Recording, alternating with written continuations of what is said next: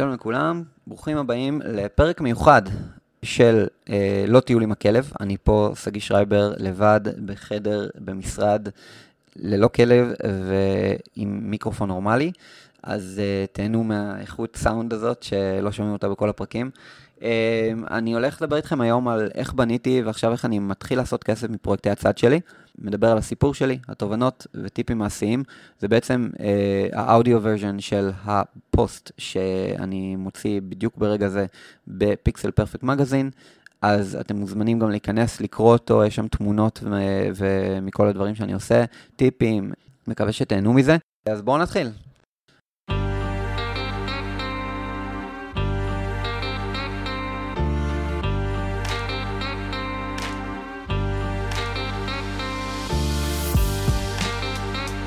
היי, hey, שמי שגיא, אני אבא לשני ילדים מדהימים, פלוס כלב, בעל לאישה מדהימה, אומן לחימה, או איך שלא לקרוא לזה, מה שאני עושה מגיל שמונה, דירקטור של עיצוב במשרה מלאה בסטארט-אפ שנקרא סימלר ווב, שהיום מונה 350 פלוס אנשים, וכשנכנסתי אליו לפני שנתיים, היינו רק בערך 50, ואני הייתי מעצב יחיד, ועכשיו שישה מעצבים תחתיי.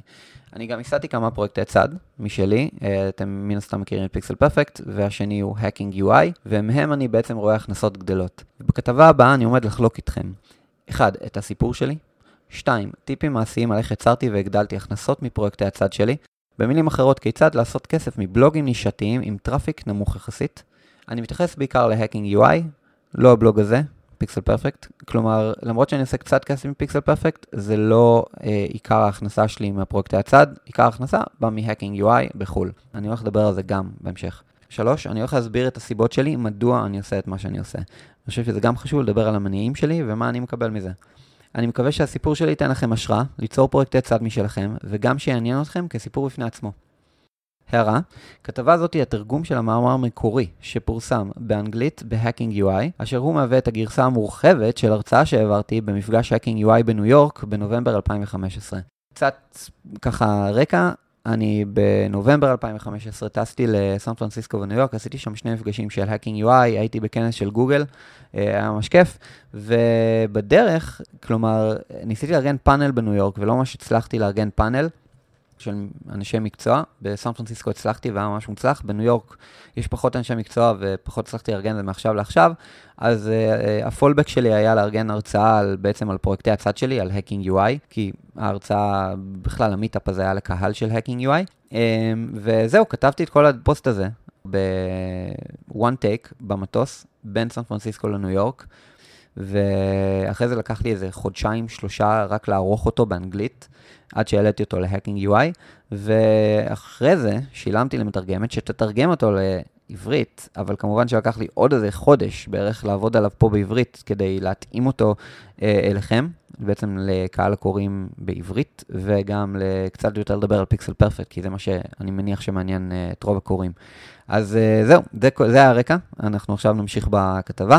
TLDR, Too Long Didn't Read, או אמל"ק בעברית, כמה בולטים. 1. עבודה על פרויקטי צד זה כיף ולגמרי אפשרי. גם אם יש לכם עבודה במשרה מלאה, ומשפחה, והתחייבויות נוספות. במאמר אני מסביר בדיוק איך כל הדברים מתאפשרים יחד. 2. גידול הכנסות מפרויקטי צד קורה באמצעות מושג פשוט בשם אוטומציה. אוטומציה מתרחשת באמצעות בניית סט כלים משלכם שיחסכו לכם זמן ביצוע בפעולות חוזרות שבדרך כלל לוקחות הרבה זמן. במאמר הזה אני נותן כלים ומספרים אמיתיים מתוך העבודה שלי בהאקינג UI וגם קצת ממה שקורה בפיקסל. 3. זו זכות לחיות בעידן כזה, בו כל אחד מאיתנו יכול להיות חלק מעולם יצירת מוצרים דיגיטלי. אין לי דרך לתאר את הריגוש שבהוצאת מוצר, סלש תוכן משלך, לעולם, ולראות איך העולם הזה מגיב חזרה. 4. הזמן הוא דבר שאפשר לפצח בצורה שתאפשר לכם להתעסק בכל מה שתרצו להתעסק. אני מסביר מעט על זה בהמשך המאמר.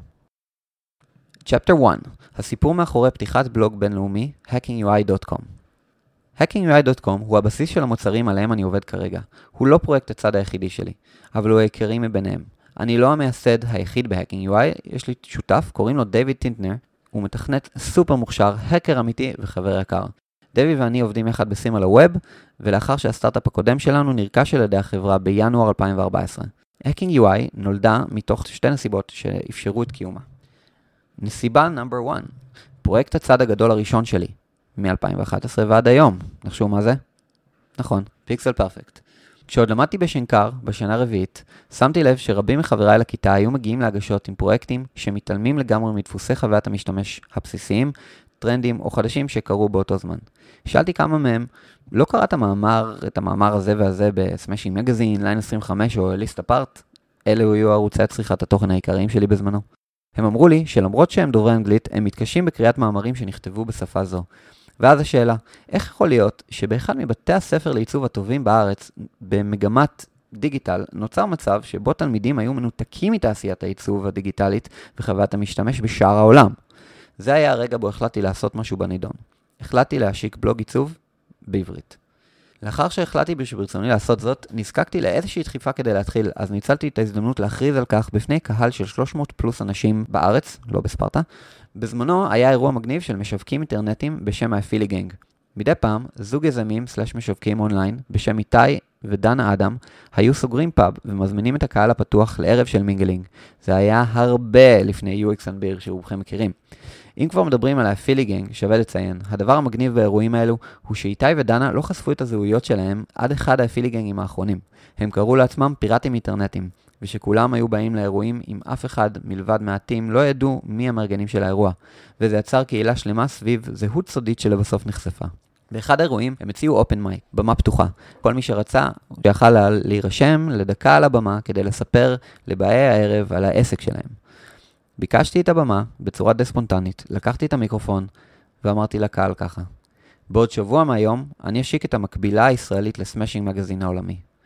היא תכתב בעברית ותיקרא Pixel Perfect Magazine. באותו לילה חזרתי הביתה והרמתי דף נחיתה עם טופס הרשמה להודעת ההשקה. זאת הייתה הפעם הראשונה בה התמודדתי עם יצירת טופס מקוון. יצרתי אותו באמצעות שירות שנקרא Wufoo, אתם יכולים לחפש את זה, זה W-U-F-O-O, אך יש עוד הרבה בוני טפסים מקוונים רבים אחרים. Chapter 2, אני גאה להציג Pixel Perfect Magazine. במרץ 2011 השקתי את Pixel Perfect Magazine. חוץ מכמה בלוגים קטנים, זה היה למעשה בלוג העיצוב הדיגיטלי הראשון מסוגו בישראל. הוא תפס תאוצה מיידית. בבלוג ראיינתי מעצבים מהמעלה הראשונה, כגון ירון שיין, קריס ספונר ואחרים. השקתי פוסט שבועי שנקרא השראה בשישי, שבו כל יום שישי, כפי שניתן לנחש, הצגתי שבעה אתרים מעוצבים להפליא. אתר אחד לכל יום בשבוע. כתבתי על דפוסי חוויית משתמש הקורים בעולם. כמו כן, פתחתי פוסט של לינקים שאצרתי מתוך כל הבלוגוספריה בעולם העיצוב בשם Pixel Link. בזמנו קראתי לזה Pixel Geek, וזה היה בשיתוף פעולה עם Newsgeek האדירים, שהיום נקראים Geektime. הפוסט השבועי הזה הפך בסופו של דבר לניוזלטר השבועי של Pixel Perfect. שאגב, אם אתם עוד לא רשומים, הגיע הזמן. כנסו ל Pixel Perfect ותירשמו לניוזלטר שלנו, הוא אדיר, מבטיח התמכרות. הניוזלטר שלנו הושק ב-2012, אפילו לפני ימי Sidebar.io שרובכם מכירים, או כל ניוזלטר אחר של לינקים שאני מכיר. נכון לעכשיו, Pixel Perfect הוא אחד מהמגזינים הפופולריים ביותר בקרב מעצבים ישראלים, ולצידי במגזין צוות slash משפחה של שבעה עורכים אדירים שעוזרים להכל לקרות. השלב הבא, התרחבות כלל עולמית. תמיד רציתי לקחת את Pixel Perfect לזירה העולמית, אך לא היה לי את היכולת. כאשר Sidebar.io האדיר יצא, ועוד ניוזלטרים של אסופות לינקים שהחלו לצבור פופולריות, ידעתי שהגיע זמני לעשות זאת. ואז מגיעה הנסיבה השנייה להקמת ה side project הגדול שלי, Hacking UI. הסטארט-אפ שלי והקנייה שלו על ידי SimilarWeb. באמצע 2012, לאחר שסיימתי את תפקידי כמעצב המוצר הראשון בסטארט-אפ Fiverr, החלטתי שאין מצב שאהיה שכיר שוב, ושברצוני להצטרף או לייסד סטארט-אפ משל עצמי. התוכנית הייתה, והייתה לי תוכנית, לעבוד כפרילנסר במשך יומיים בשבוע ולהקדיש שלושה ימים בשבוע למציאת רעיון למוצר משלי, גיבוש צוות ומחקר. עוד בזמן החודש שלי של ה notice ב Fiverr, פנה אליי יזם צעיר בשם נועם שוורץ, והוא בדיוק השיק סטארט-אפ חדש בשם מולטה. התחלנו לעבוד יחד, הם היו שלושה שותפים, נועם שוורץ היה ה-CEO, אלון פורט ב product, ואוהד וויני קמין ה-CTO. בגדול, שלושה חבר'ה טובים, ששניים מהם יזמים בנפש, ואחד מתכנת ויזם. אני הייתי חיבור מעולה לצוות, בתור זה שהייתי המעצב, אה, וגם הייתי איכשהו קצת יזם. אחרי חודש ראינו שאנחנו עובדים כל כך טוב ביחד, שהם הציעו לי להצטרף כמייסד שותף, וכך היה. עתה היינו ארבעה מייסדים שותפים. ישבנו ב TechLoft, ברחוב נחמני בתל אביב. היה לנו משרד קטן ומלא מדבקות של הלוגו שלנו. הייתה תקופה כיפית ממש, ולמרות שהרווחתי פחות מחצי ממה שהרווחתי ב Fiverr, היה תענוג צרוף. ואין כלום שמשתווה להרגשה של לבנות מוצר. לבנות עסק, עקב לצד אגודל, בלי קיצורי דרך. טיפ, האמת היא זה שני טיפים במכה אחת. סטארט-אפ זה חתונה קתולית, וכלום לא יותר חשוב מצוות טוב. תקשיבו, אני אחזור על זה שוב. סטארט-אפ זה חתונה קתולית, וכלום לא יותר חשוב מצוות טוב. תנו לי להסביר. מולטה, בזמן שהצטרפתי, הייתה אפליקציה. אני יכול לקרוא לה טיפשית אפילו. היא הייתה אפליקציה לאתגרים בין חברים. I dare you to? לקחו את זה לקטע הדיגיטלי. הסיבה שקיבלתי את העבודה הזאת הייתה כי נועם עשה עליי רושם ממש טוב בפגישה הראשונה, שנפגשנו ברוטשילד באיזה בית קפה, ואז הוא הביא אותי למשרד, ואלון ואוהד היו שם, ועשו עליי רושם ממש טוב. אה, היה נראה שכולנו באותו ראש, והייתה לנו כימיה מצוינת שעבדנו יחד. סביבת העבודה הייתה מלאה בעשייה ועבודה קשה לצד צחוקים והומור מפגר, בדיוק הקטע שלי. מי שמכיר אותי יודע. אבל נועם, כשהוא הציע לי להצטרף אליהם כשותף, זה היה סיפור אחר לגמרי. מה לי ולמוצר הזה? ואמרתי לו את זה, אבל הוא אמר לי את הדבר הבא, ואני זוכר את זה כאילו זה היה אתמול בשיחה שעשינו בערך בשבע בערב, במה שהוא מלווה אותי מחוץ למשרד בדרך לתפוס מונית שירות, ולפני שהוא חוזר להמשיך לעבוד עד הלילה כרגיל. הוא אמר לי, שגיא, זה סטארט-אפ ראשון של כולנו. זה לא מוצר החלומות שלנו גם כן, אבל זה מוצר ראשון שלנו, והתגלגלנו לזה, ואנחנו בונים פה עסק בלי קיצורי דרך. זה ממש קנה אותי. בדיעבד התוודעתי לד שגם המשקיעים שלנו וכל מי שאי פעם האמין בנו, האמין בנו, בצוות, ולא בהכרח במוצר. צוות זה הכל, ובכל סטארט-אפ, גם בשלנו, היו תקופות שלא היו לנו משכורות, ותקופות שאחד מהשותפים היה צריך יותר תמיכה כלכלית מהשאר, ואז כולם נותנים לו מה שנקרא חתיכה מהעוגה שלהם. צריך לקום כל בוקר בציפייה לעוד יום כיף עם אנשים טובים. זה מה שעושה את העבודה לכיפית וזה מה שעושה את המוצר לטוב יותר. כי מוצר יכול להיות בתקופה טובה, ולרוב יגיע גם לתקופות פחות טובות. אבל החברים בצוות זה מה שמחזיק אותך ברוח טובה, לא משנה מה קורה במוצר. וזה האמת נכון גם לצבא ועוד הרבה דברים אחרים בחיים לפי דעתי. בסוף אנחנו אנשים, ואנשים מניעים אנשים אחרים, ומשפיעים על מצב רוח של אנשים אחרים. אוקיי, מספיק חפירה, חזרה אל הסיפור. חודש לאחר שהצטרפתי לצוות כשותף וקו-מייסד, בוגר קולג' אמריקאי בשם דייוויד טינטנר, שבדיוק ניסה לעשות את המעבר לגור בארץ, עבר במשרדים שלנו כדי לבקר את חברו רוברט, שעבד אצלנו בזמנו על השיווק. רוברט ביקש מדייוויד לחכות לו קצת איתו בחדר עד שיסיים איזה משהו שהוא עבד עליו.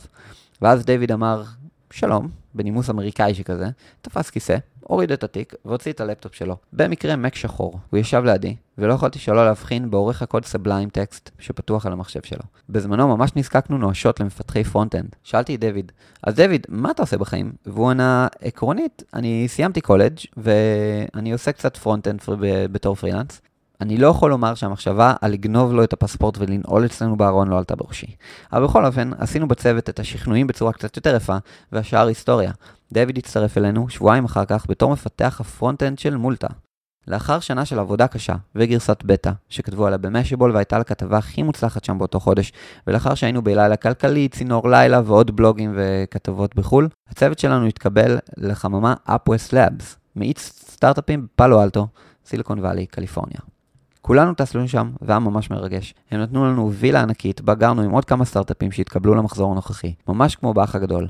הווילה הייתה ממוקמת במאונטן ויו, שכונה אמריקאית טיפוסית ויפהפייה. היה לנו את המשרד של UpWest Labs בפאלו אלטו, אליו נסענו כל בוקר לעבוד. כל בוקר, ב-10 בבוקר, היה מגיע מנטור כזה או אחר ועובר איתנו על הסטארט-אפ באופן אישי. אני מדבר על אנשים מטורפים בתפקידי מפתח בסטארט-אפים בוואלי. היו מנטורים מפייסבוק, לינקדאין, סיסקו, המשווקת שעשתה את כל השיווק לוואטסאפ לפני הקנייה, המייסד של Waze, משקיעים מטורפים ועוד. בסשנים האלו בבקרים, היינו מקבלים פידבק ממש שלילי על הסטארט-אפ שלנו מהמנטורים. ובצדק, הייתה לנו, כמובן, תוכנית מוניטיזציה נוראית ו flow בעייתי. בנוסף, המוצר לא הציע שום פתרון לשום כאב של אף אחד בעולם, אז לאחר כשבוע לתוך אפוס לאבס, בעודנו חושבים על פיבוט, מהלך ידוע בסטארט-אפים שבו החברה משנה את הכיוון העסקי ואת המוצר בהתאם, ערכנו מחקר על מה שהמתחרים שלנו עושים. מי שאחראי זה אצלנו היה בעיקר נועם, ה-CEO. הוא היה במודיעין בצבא ועשה כל מיני Competitive Intelligence בתור פרילנס לחברות לפני שפתח את מולטה. נועם סבל מזה שלא הייתה לו דרך לקבל מהן overview על המתחרים שלנו בצורה נוחה. היו הרבה כלים למודיעין תחרותי, אבל יותר מדי כלים ולא הייתה אגרגציה אחת של הכל במקום אחד. מעין דשבורד לניהול המודיעין תחרותי. בום, רעיון הסטארט-אפ חדש. נועם הציג לנו את הרעיון, ואז ערכנו שבוע של לימוד קונספט. במהלכו התקשרנו לכל אחד מחברינו שהיה משתמש פוטנציאלי כדי לשאול את דעתו. כולם ממש תמכו, והחלטנו לשנות את המוצר שלנו כליל. קראנו לו המוצר החדש TapDog, כלומר, כמו tapping device ו-dog with sharp senses and ears up for alerts, ובשלב הזה, אחרי ששינינו את הכיוון שלנו, אני הייתי צריך לחזור לארץ לקראת הולדת בתי הראשונה. החבר'ה נשארו באפוס לאבס ועשו חייל, אני עבדתי איתם מרחוק. תוך חודשיים בנינו את המוצר והצלחנו להבריג אותו כדמו לסיסקו ולינקדאין ולהתחיל לקבל מאנשים אמיתיים בתעשייה פידבק. בקטע הזה של קשרים בוואלי, המייסדים של אפווסט לאבס, גיל בן ארצי, שולי גלילי ולירון פטרושקה, היו פשוט אלופים, הם פשוט אדירים, וקישרו איתנו עם כל מי שרק רצינו. האווירה בוואלי היא גם שכל אחד, לא משנה באיזו חברה ולא משנה באיזה תפקיד, פתוח ממש להיפגש איתך ולשמוע על הרעיון שלך. זה היה משהו כמו, נועם ניגש לגיל, בן ארצי, ואומר לו, גיל, שומע, יש לך מישהו שאתה מכיר אולי בחברה, ולא משנה איזה חברה היינו אומרים, באמת, כל חברה שיסכים לפגוש אותי, כעבור חמש דקות היה כבר מייל אינטרו שנשלח מגיל לאותו אדם בחברה שנועם ביקש, וכעבור עשר דקות הייתה כבר פגישה ביומן למחר בצהריים בסן פרנסיסקו עם אותו אדם. תרבות הסטארט-אפים בוואלי מדהימה, אבל זה נושא לפוסט אחר לגמרי, אז נחזור לשלנו. בקיצור, התקדמנו עם המוצר, ואחרי כמה חודשים החבר'ה חזרו לארץ וחיפשנו שני דברים, משקיעים חדשים, כי נגמר לנו הכסף וכולנו היו בלי משכורת תקופה, ושיתופי פעולה, כדי לקבל גישה ל-APIים כאלו ואחרים. בשלב הזה, אגב, עבדנו בגול קמפוס בתל אביב. זה לאחר שבועיים שלא היו לנו משרדים, ודויד ואני עבדנו במקדונלדס. כן, כן, באמת, תחשבו על זה רגע. אינטרנט מהיר, שקעים, שולחנות נוחים בקומה שנייה, שירותים צמודים וקפה זול, ולאף אחד לא אכפת שאתה שם. בקיצור, בתקופה שהייתי בגוגל קמפוס, אה, הוזמנתי על ידי ירון בן אדיבה, האדיר, להיות מנטור לסטארט-אפים בעצמי, בלאנצ'פד של גוגל. זה דבר שאני עושה עד היום, אז אם יש לכם סטארט-אפ ואתם בחממה כלשהי בארץ, יש סיכוי שניפגש שם. אחת הפגישות לשיתופי פעולה שנועם עשה באותה תקופה הייתה עם אור עופר, מנכ"ל חברת סימלר ווב. רצינו להשתמש ב-API שלהם למוצר שלנו. אור ראה את המוצר שלנו, טאפדוג, והשאר היה היסטוריה. בסוף 2013, הסטארט-אפ שלנו, כולנו, בתור צוות, חטאנו בסימלר ווב. כשהיינו בסן פרנסיסקו, דויד ואני הרגשנו קשר חזק לקהילת העיצוב והבנייה של מוצרים דיגיטליים, וכשחזרנו לישראל, הרגשנו את הצורך לשמור על קשר עם אותה קהילה. אז שבועיים לפני שהתחלנו ב SimilarWeb, בזמן שהיה לנו שום דבר ש... כלומר, לא עבדנו על המוצר שלנו של TapDog, ולפני שהתחלנו לעבוד ב SimilarWeb, דויד ואני החלטנו להשיק מגזין עיצוב ותכנות front-end בינלאומי. בחירת השם הייתה קשה. הדומיין pixelperfect.com היה תפוס בכל סיומת אפשרי. בהתחלה החלטנו על השם Round Pixel Magazine, אפילו קנינו את הדומיין, אבל כשלא היינו מרוצים ממנו חזרנו ללוח הסרטוטים, וכמה ימים לאחר מכן עלינו על השם Hacking UI. ההשקה של Hacking UI ואיך בנינו את החינמי הראשון שלנו. בגדול זה מסתכם בכאב אישי, בניית כלי, שיתוף בחינם ופיצוץ ויראלי. בתקופה ההיא עבדתי עם פוטושופ. הייתי מומחה פוטושופ, אבל דבר אחד שממש הפריע לי, היה שלא יכלתי לייצא מתוכו קבצי SVG. חיפשתי בפורומים וראיתי שאחרים חלקו את אותו הכאב. זה היה הרי כאב מפגר. הנה יש לנו פה את הכלי העיקרי, שבו כמעט כל מעצב משתמש לעיצוב UI, ופורמט SVG כבר הפך לסטנדרט ברשת, אבל הכלי הזה לא תמך בפורמט הסטנדרטי. דויד ואני החלטנו שאנחנו הולכים לעשות משהו בנידון, והתחלנו לעבוד על פלאגין לייצוא של SVG מתוך פוטושופ. ביצענו איטרציות. אני כתבתי את נקודות הכאב שלי מעצב, את מפת מסע המשתמש, user journey map, ואז את ה-technical story points, כלומר המשתמש בוחר בשכבה שרוצה לייצר, מקליק על A, בוחר נקודת הוקטור, command C, פותח את ה-illustrator, command V וכולי. דווי תכנת את הכל, בלי ידע מקדים בסקריפטים של פוטושופ. תכלס, לקחנו משהו כמו שבועיים שלושה בלבד, וכמובן תוך כדי עבודה אחרת על, על רמת הבלוג והכל, דיוויד היה שולח לי גרסאות, אני הייתי עושה להם QA, היה, היה יושב שוב פעם כאילו ומשפר את זה, וככה הגענו לגרסה יציבה ועובדת. זה היה תהליך כיפי, והיות שגם ככה עבדנו יחד באותו חדר כל יום, היה לנו קל לעבוד על זה יחד. השקנו את Hacking UI בינואר 2014, והסקריפט PSD to SVG היה הפוסט הראשון שלנו. אתם מוזמנים לחפש בגוגל PSD to SVG, ואתם תמצאו בטח את הפוסט שלנו ב-Hacking UI. עשינו את זה ככה שהרשמה לניוזלטר תהיה הכרחית כדי להוריד את הסקריפט. זאת לא הייתה החלטה קלה, כי ידענו שיש אנשים שתהיה להם בעיה לתת את האימייל שלהם רק כדי להוריד את הסקריפט. אבל היי, hey, השקענו כל כך הרבה בניוזלטר שלנו, וממש האמנו במה שאנחנו עושים. וגם, כל אחד יכול להסיר את עצמו מרשימת התפוצה מתי שרק ירצה. אז החלטנו ללכת על זה. ואתם יודעים מה? זה עבד. הסקריפט שותף כמעט בכל מגזין, בלוג או ניוזלטר שקראתי בעצמי והערכתי, Smashing Magazine, Sidebar, One Designer וכולי. זה היה כל כך מרגש פתאום לראות ב Google Analytics את כל המשתמשים נשפכים לתוך האתר ואת ה dashboard של MailChimp, רק מתעדכן עם מספרים גדלים של אנשים שנרשמים לניוזלטר שלנו, פשוט תענוג. אתגרים נוספים שיש להתגבר עליהם, כלים נוספים שיש לבנות, ועתה, חיסכון בזמן יצירת הניוזלטר. באותו זמן, ניהלתי את הניוזלטר השבועי של Pixel Perfect במשך מספר שנים. היה לי מעין Google Spreadsheet, שבו השתמשתי לטובת הוספת לינקים במהלך השבוע. ואז, כשהייתי יושב להכין את הניוזלטר, הייתי מעתיק ומדביק כל אחד מהם בנפרד, אחד-אחד לתוך העורך של MailChimp, ומקשר אותו ללינק הרלוונטי. וזה היה הניוזלטר. כשהשקנו את Hacking UI, דיוויד ואני הסכמנו על חלוקת אחריות. אני אחראי לאסוף את הלינקים באופן שבו כבר עשיתי בשביל Pixel Perfect, ודייוויד ייצור את הניוזלטר של Hacking UI בזמן שאני ממשיך ליצור את הניוזלטר של Pixel Perfect עבור הקהל הישראלי. דויד, בהיותו ההקר שהוא, החליט לפשט את התהליך. הוא כתב סקריפט מיוחד ל Google Spreadsheets כדי לקחת את השורות מגיליון העבודה, בהתבסס על גיליון העבודה, ולייצר עמוד HTML סטטי שבו הלינקים כבר מופיעים ברשימה. מה שנשאר אחרי שמוסיפים לינקים ל spreadsheet היה רק לפתוח את העמוד הזה ולעשות copy paste לכל הלינקים בבת אחת לתוך MailChimp. בעצם מה שאלנו זה לוקחים לינקים, שמים אותם בטבלה, ואז הטבלה כבר אוטומטית מג'נרטת קוד HTML של הלינקים, המבנה של הלינקים, שבו נשתמש בניוזלטר, פשוט לוקחים אותם, copy paste, לתוך הניוזלטר, לתוך MailChimp, נגמר. זה הפך את תהליך היצירת הניוזלטר לכמעט חלק לגמרי. דויד המשיך לשפר את הקוד כדי שיעשה עוד דברים מגניבים, כגון הוספת הלינקים בצורה אוטומטית לשירות בשם Buffer, כדי שנוכל לשתף אותם בצורה אוטומטית בכל חשבונות המדיה החברתית שלנו. אגב, מי שלא מכיר את Buffer, רצוי, B-U-F-F-E-R, חפשו את זה בגוגל, זה שירות שנותן לכם פשוט להוסיף לינקים מאיפה שאתם רואים, וזה משתף אותם בצורה אוטומטית בזמן שקוראים עקרונית אקטיביים ברשתות החברתיות. אוקיי, אז מה יש לנו מבחינת התהליך עד כה? אני קורא מאמר, מוסיף אותו לספרדשיט שלנו, ואז כשמגיע הזמן בשבוע להכין את הניוזלטרים, אנחנו פותחים את דפי ה-HTML שכבר ככה מכילים את רשימת הלינקים המעוצבת, ועושים ממנה copy-paste ישירות לתוך האורך של מיילצ'ימפ. הניוזלטר מוכן, אבל הוספת הלינקים ל spreadsheet היא עדיין תהליך מייגע. בכל פעם שקראתי מאמר שאהבתי, נאלצתי להוסיף אותו לגיליון העבודה של הניוזלטר. זה היה תהליך מעיק שלא נהניתי ממנו בכלל. במיוחד כי כשאני קורא מאמר מעניין, אין זמן להתחיל לפתוח Google Docs ולעשות העתק הדבק לכתובת, ל-URL, לכותרת של אותו מאמר. אז שוב, החלטתי שהגיע הזמן לעשות משהו בנידון. החלטתי ליצור תוסף לדפדפן Chrome, שיכניס את המאמרים שקראתי לניוזלטר באופן אוטומטי.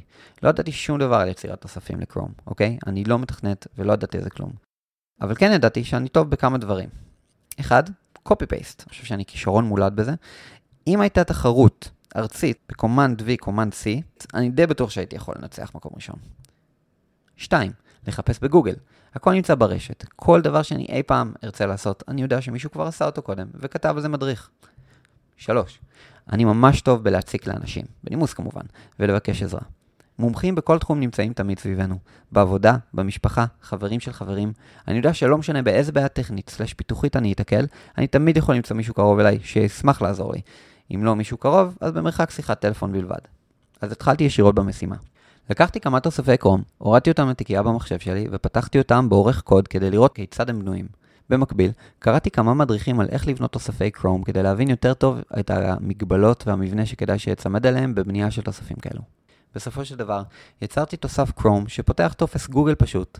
בטופס הזה אני יכול למלא את הפרטים של כל URL בלשונית שבה פעילה שבה אני נמצא. טוב הזה שולח את המידע שאני ממלא לגיליון עבודה שלי. בניתי את התוסף בצורה שממלאת חלק מהטופס באופן אוטומטי, כגון ה-URL וכותרת העמוד סלש מאמר. לסיום, נעזרתי בחבר שעובד איתי בסימל הווב, שכתב תוסף קרומי של עצמו. היי hey, אל, אתה תותח על. הוא עזר לי ליצור פונקציה שסורקת את העמוד, סלש מאמר, ומחפשת את המשתמש טוויטר של הכותב.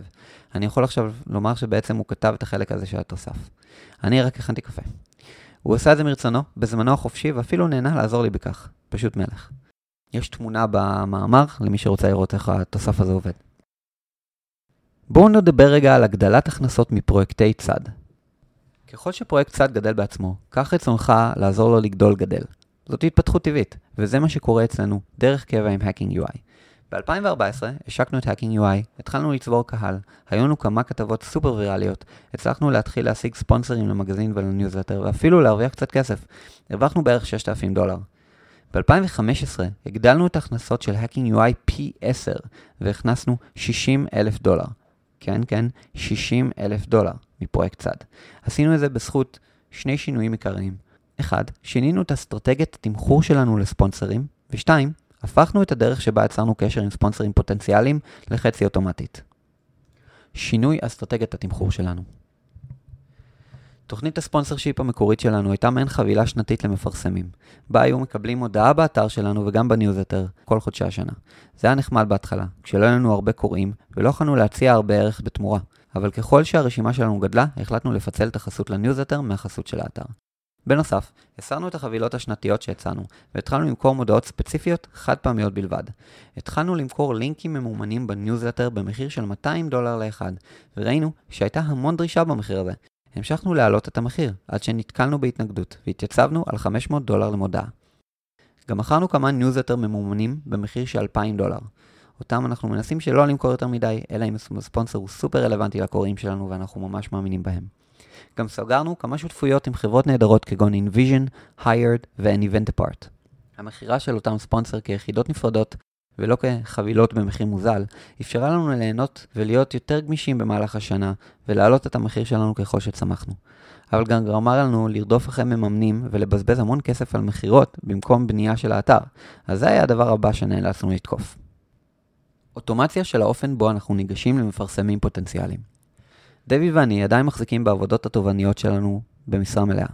אין לנו יותר מדי זמן להיות גם אנשי מכירות ולבצע את תהליכי המכירה לתוכניות הספונסר שיפ שלנו.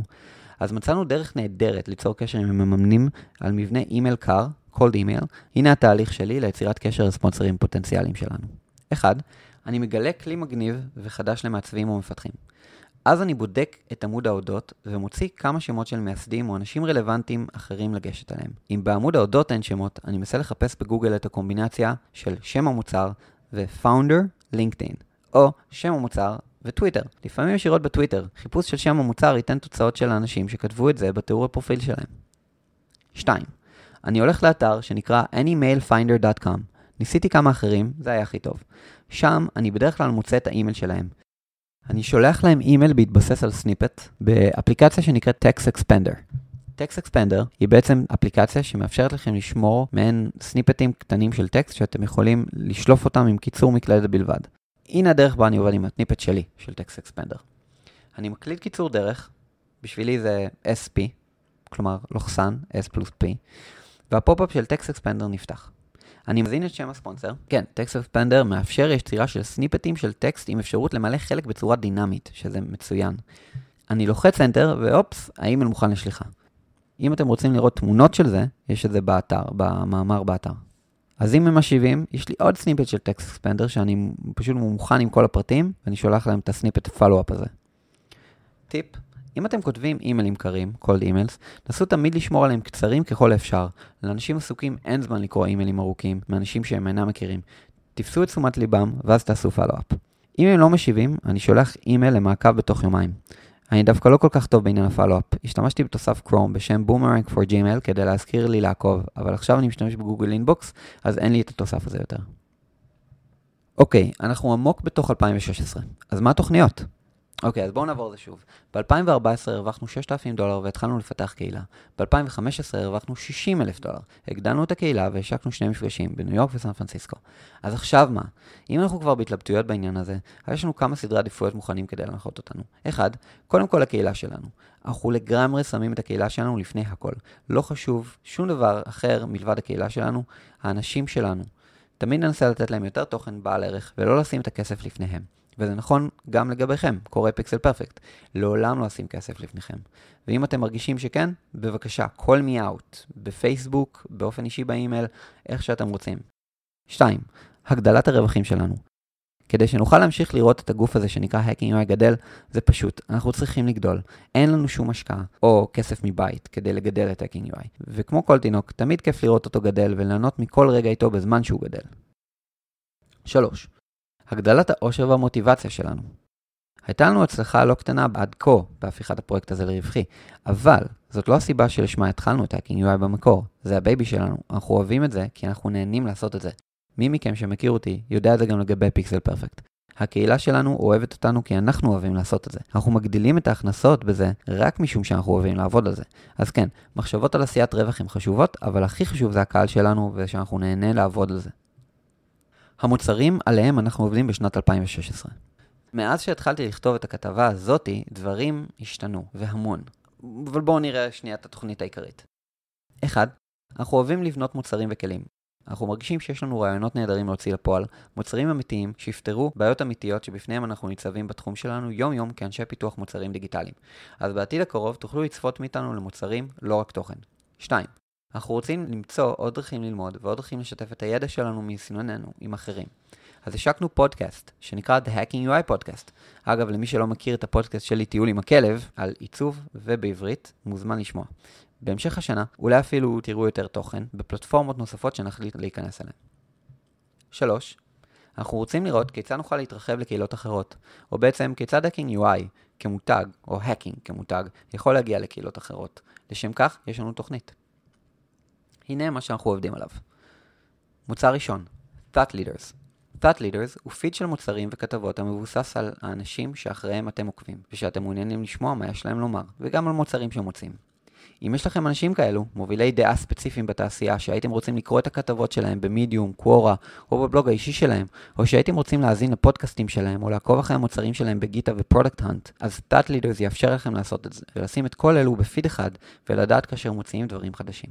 לפני שתשמעו על כך ב-Designer News, Sidebar, קוראי ה-RSS שלכם או בכל מקור אחר, תוכלו לקבל את המידע מ-Thought Leaders. במקור, בנינו את זה לשימוש פנימי שלנו, אבל התחלנו להבין שלאחרים יש צורך בזה גם. אז יש לנו עוד קצת עבודה לעשות, ואז נוכל לשחרר את זה כמוצר פתוח מאוחר יותר השנה. אני אישית כבר משתמש במוצר הזה כדי למצוא את הלינקים לניוזלטר השבועי שלנו, וזה מגניב לאללה. מוצר שני, The Hacking UI Podcast, Season 1 Scaling a Design Team. אני כרגע אחראי על הגדילה של צוות העיצוב ב SimilarWeb. כשהגעתי ל SimilarWeb הייתי המעצב היחיד, וכעת אני מנהל את העיצוב שם ועושה scaling למאמצי העיצוב של החברה.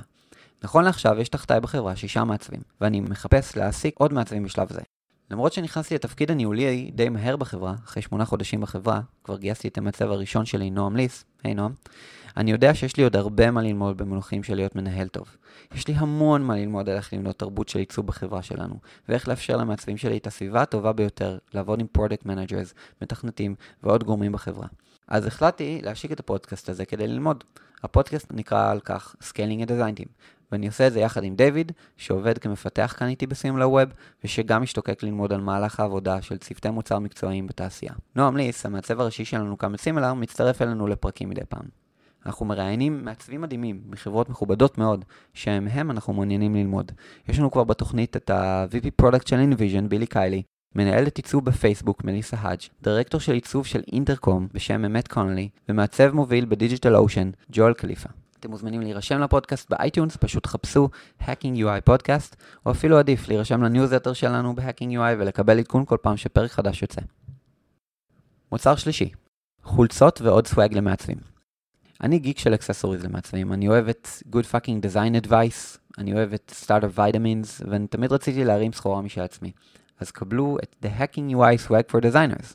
אתם לגמרי מוזמנים לבקר, תכנסו פשוט ל-hackingui.com ותחפשו את הטי-שירטס. אה, יש שם נראה לי גם בפוטר, גם בעוד כמה מקומות, אתם תראו אותם קופצים. אה, אתם לגמרי מוזמנים לבקר בחנות, לקנות ולשלוח לנו את הפידבק שלכם על המוצרים שאנחנו מציעים. נכון לעכשיו זה רק טישרטים, אבל יש לנו גם תוכניות לעוד מוצרים. מוצר רביעי, הרחבת Hacking כמותג. בדיוק השקנו את Hacking Revenue עם נועם ואלון, השותפים שלנו מהסטארט-אפ הקודם, אשר יכתבו על סטארט-אפים, הגדלת עסקים אונליין ושיפור ה funnel לקנייה באתרים. האתר, Hacking Revenue, או hackingrev.com, מבוסס על אותה התבנית של Hacking UI, שפשוט שכפלנו אותה, וחלקנו איתם את כל הכלים שבהם אנחנו משתמשים כדי לבנות את התוכן שלנו. אם אתם בעיקר בקטע של סטארט-אפים ו hacking של ההכנסה המקוונת שלכם, אתם חייבים להירשם לניוזלטר שלהם. זו התחלה של גידול משפחת Hacking והתבססות של עוד entities ליצירת התוכן שלנו ולפלטפורמות הפרסום שלנו. בקרוב בתקווה נשיק עוד דברים טובים של Hacking בתחומים מקצועיים אחרים בעולם הדיגיטלי. מי יודע, אולי Hacking Mobile, Hacking Android, Hacking iOS, Hacking Productivity, יש עוד ועוד ועוד. ומוצר אחרון חביב, טיזר ל Inspectrum.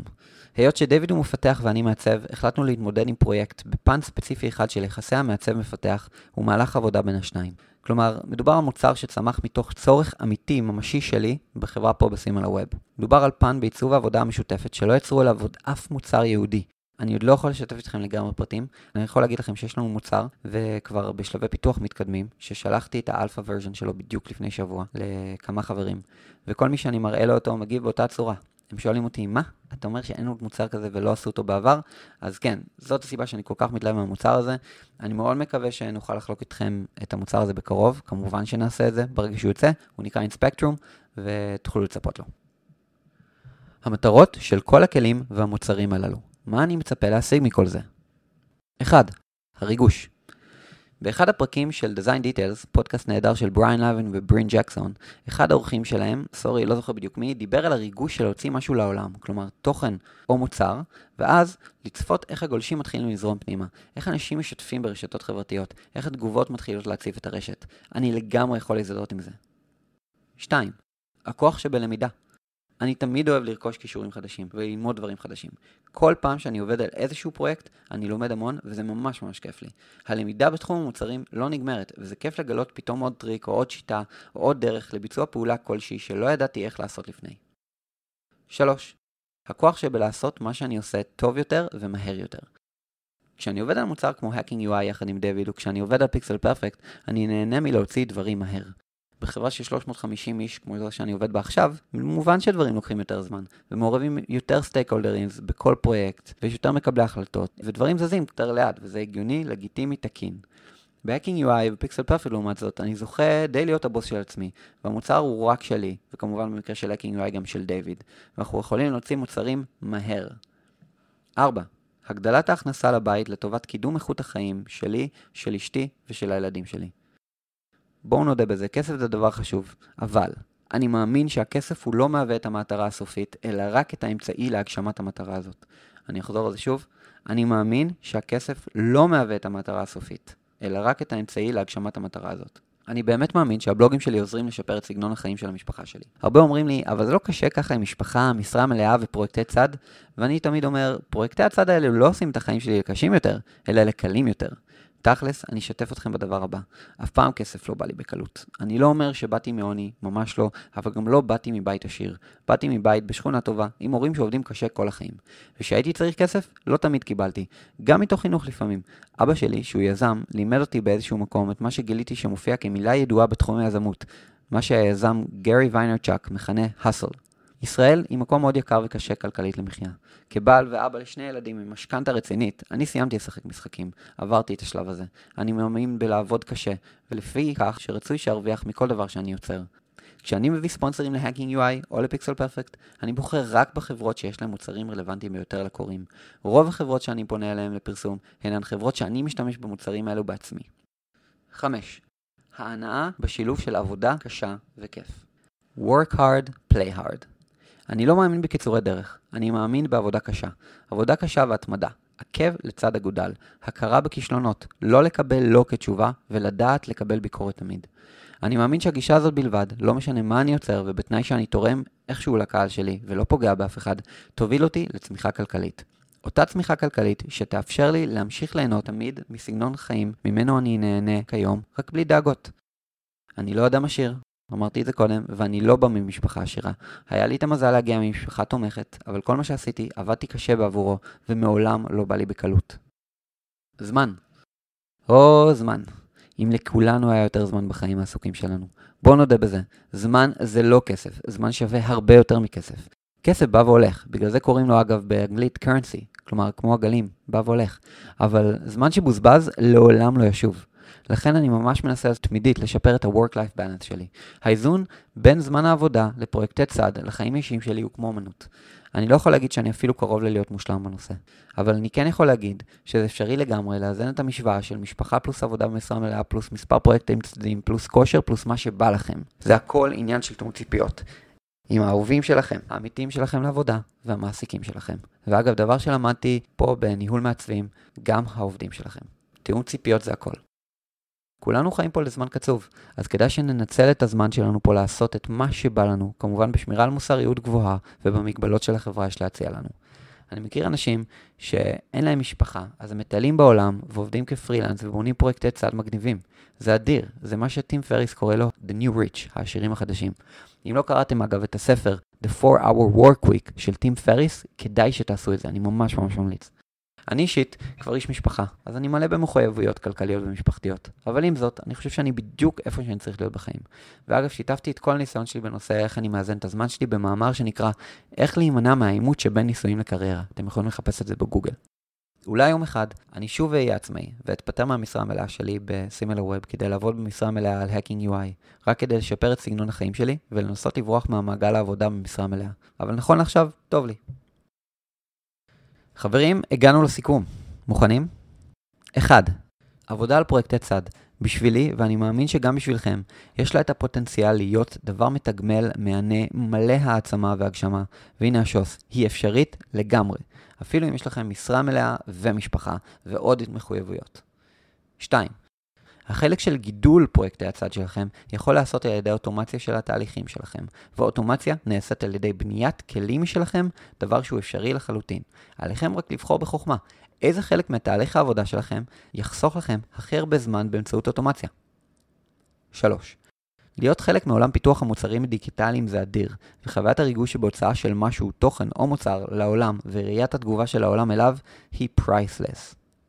4. זה נהדר להיות בחיים. כל דבר שעליו אתם עובדים צריך לתמוך בסגנון החיים שלכם ולא להפך. אז uh, זהו, חברים, זה היה הסיפור שלי. מקווה שנהנתם ואם קראתם עד כאן, סלש שמעתם עד כאן, אה, אז כל הכבוד. אני מאחל לכם שתהיו תמיד חיוביים, תמיד שתהנו מהחיים, תהנו מהעבודה שלכם, שתמצאו את הזמן החשוב ביותר לבלות עם האהובים שלכם, כי זה הדבר הכי חשוב בעולם. Peace out.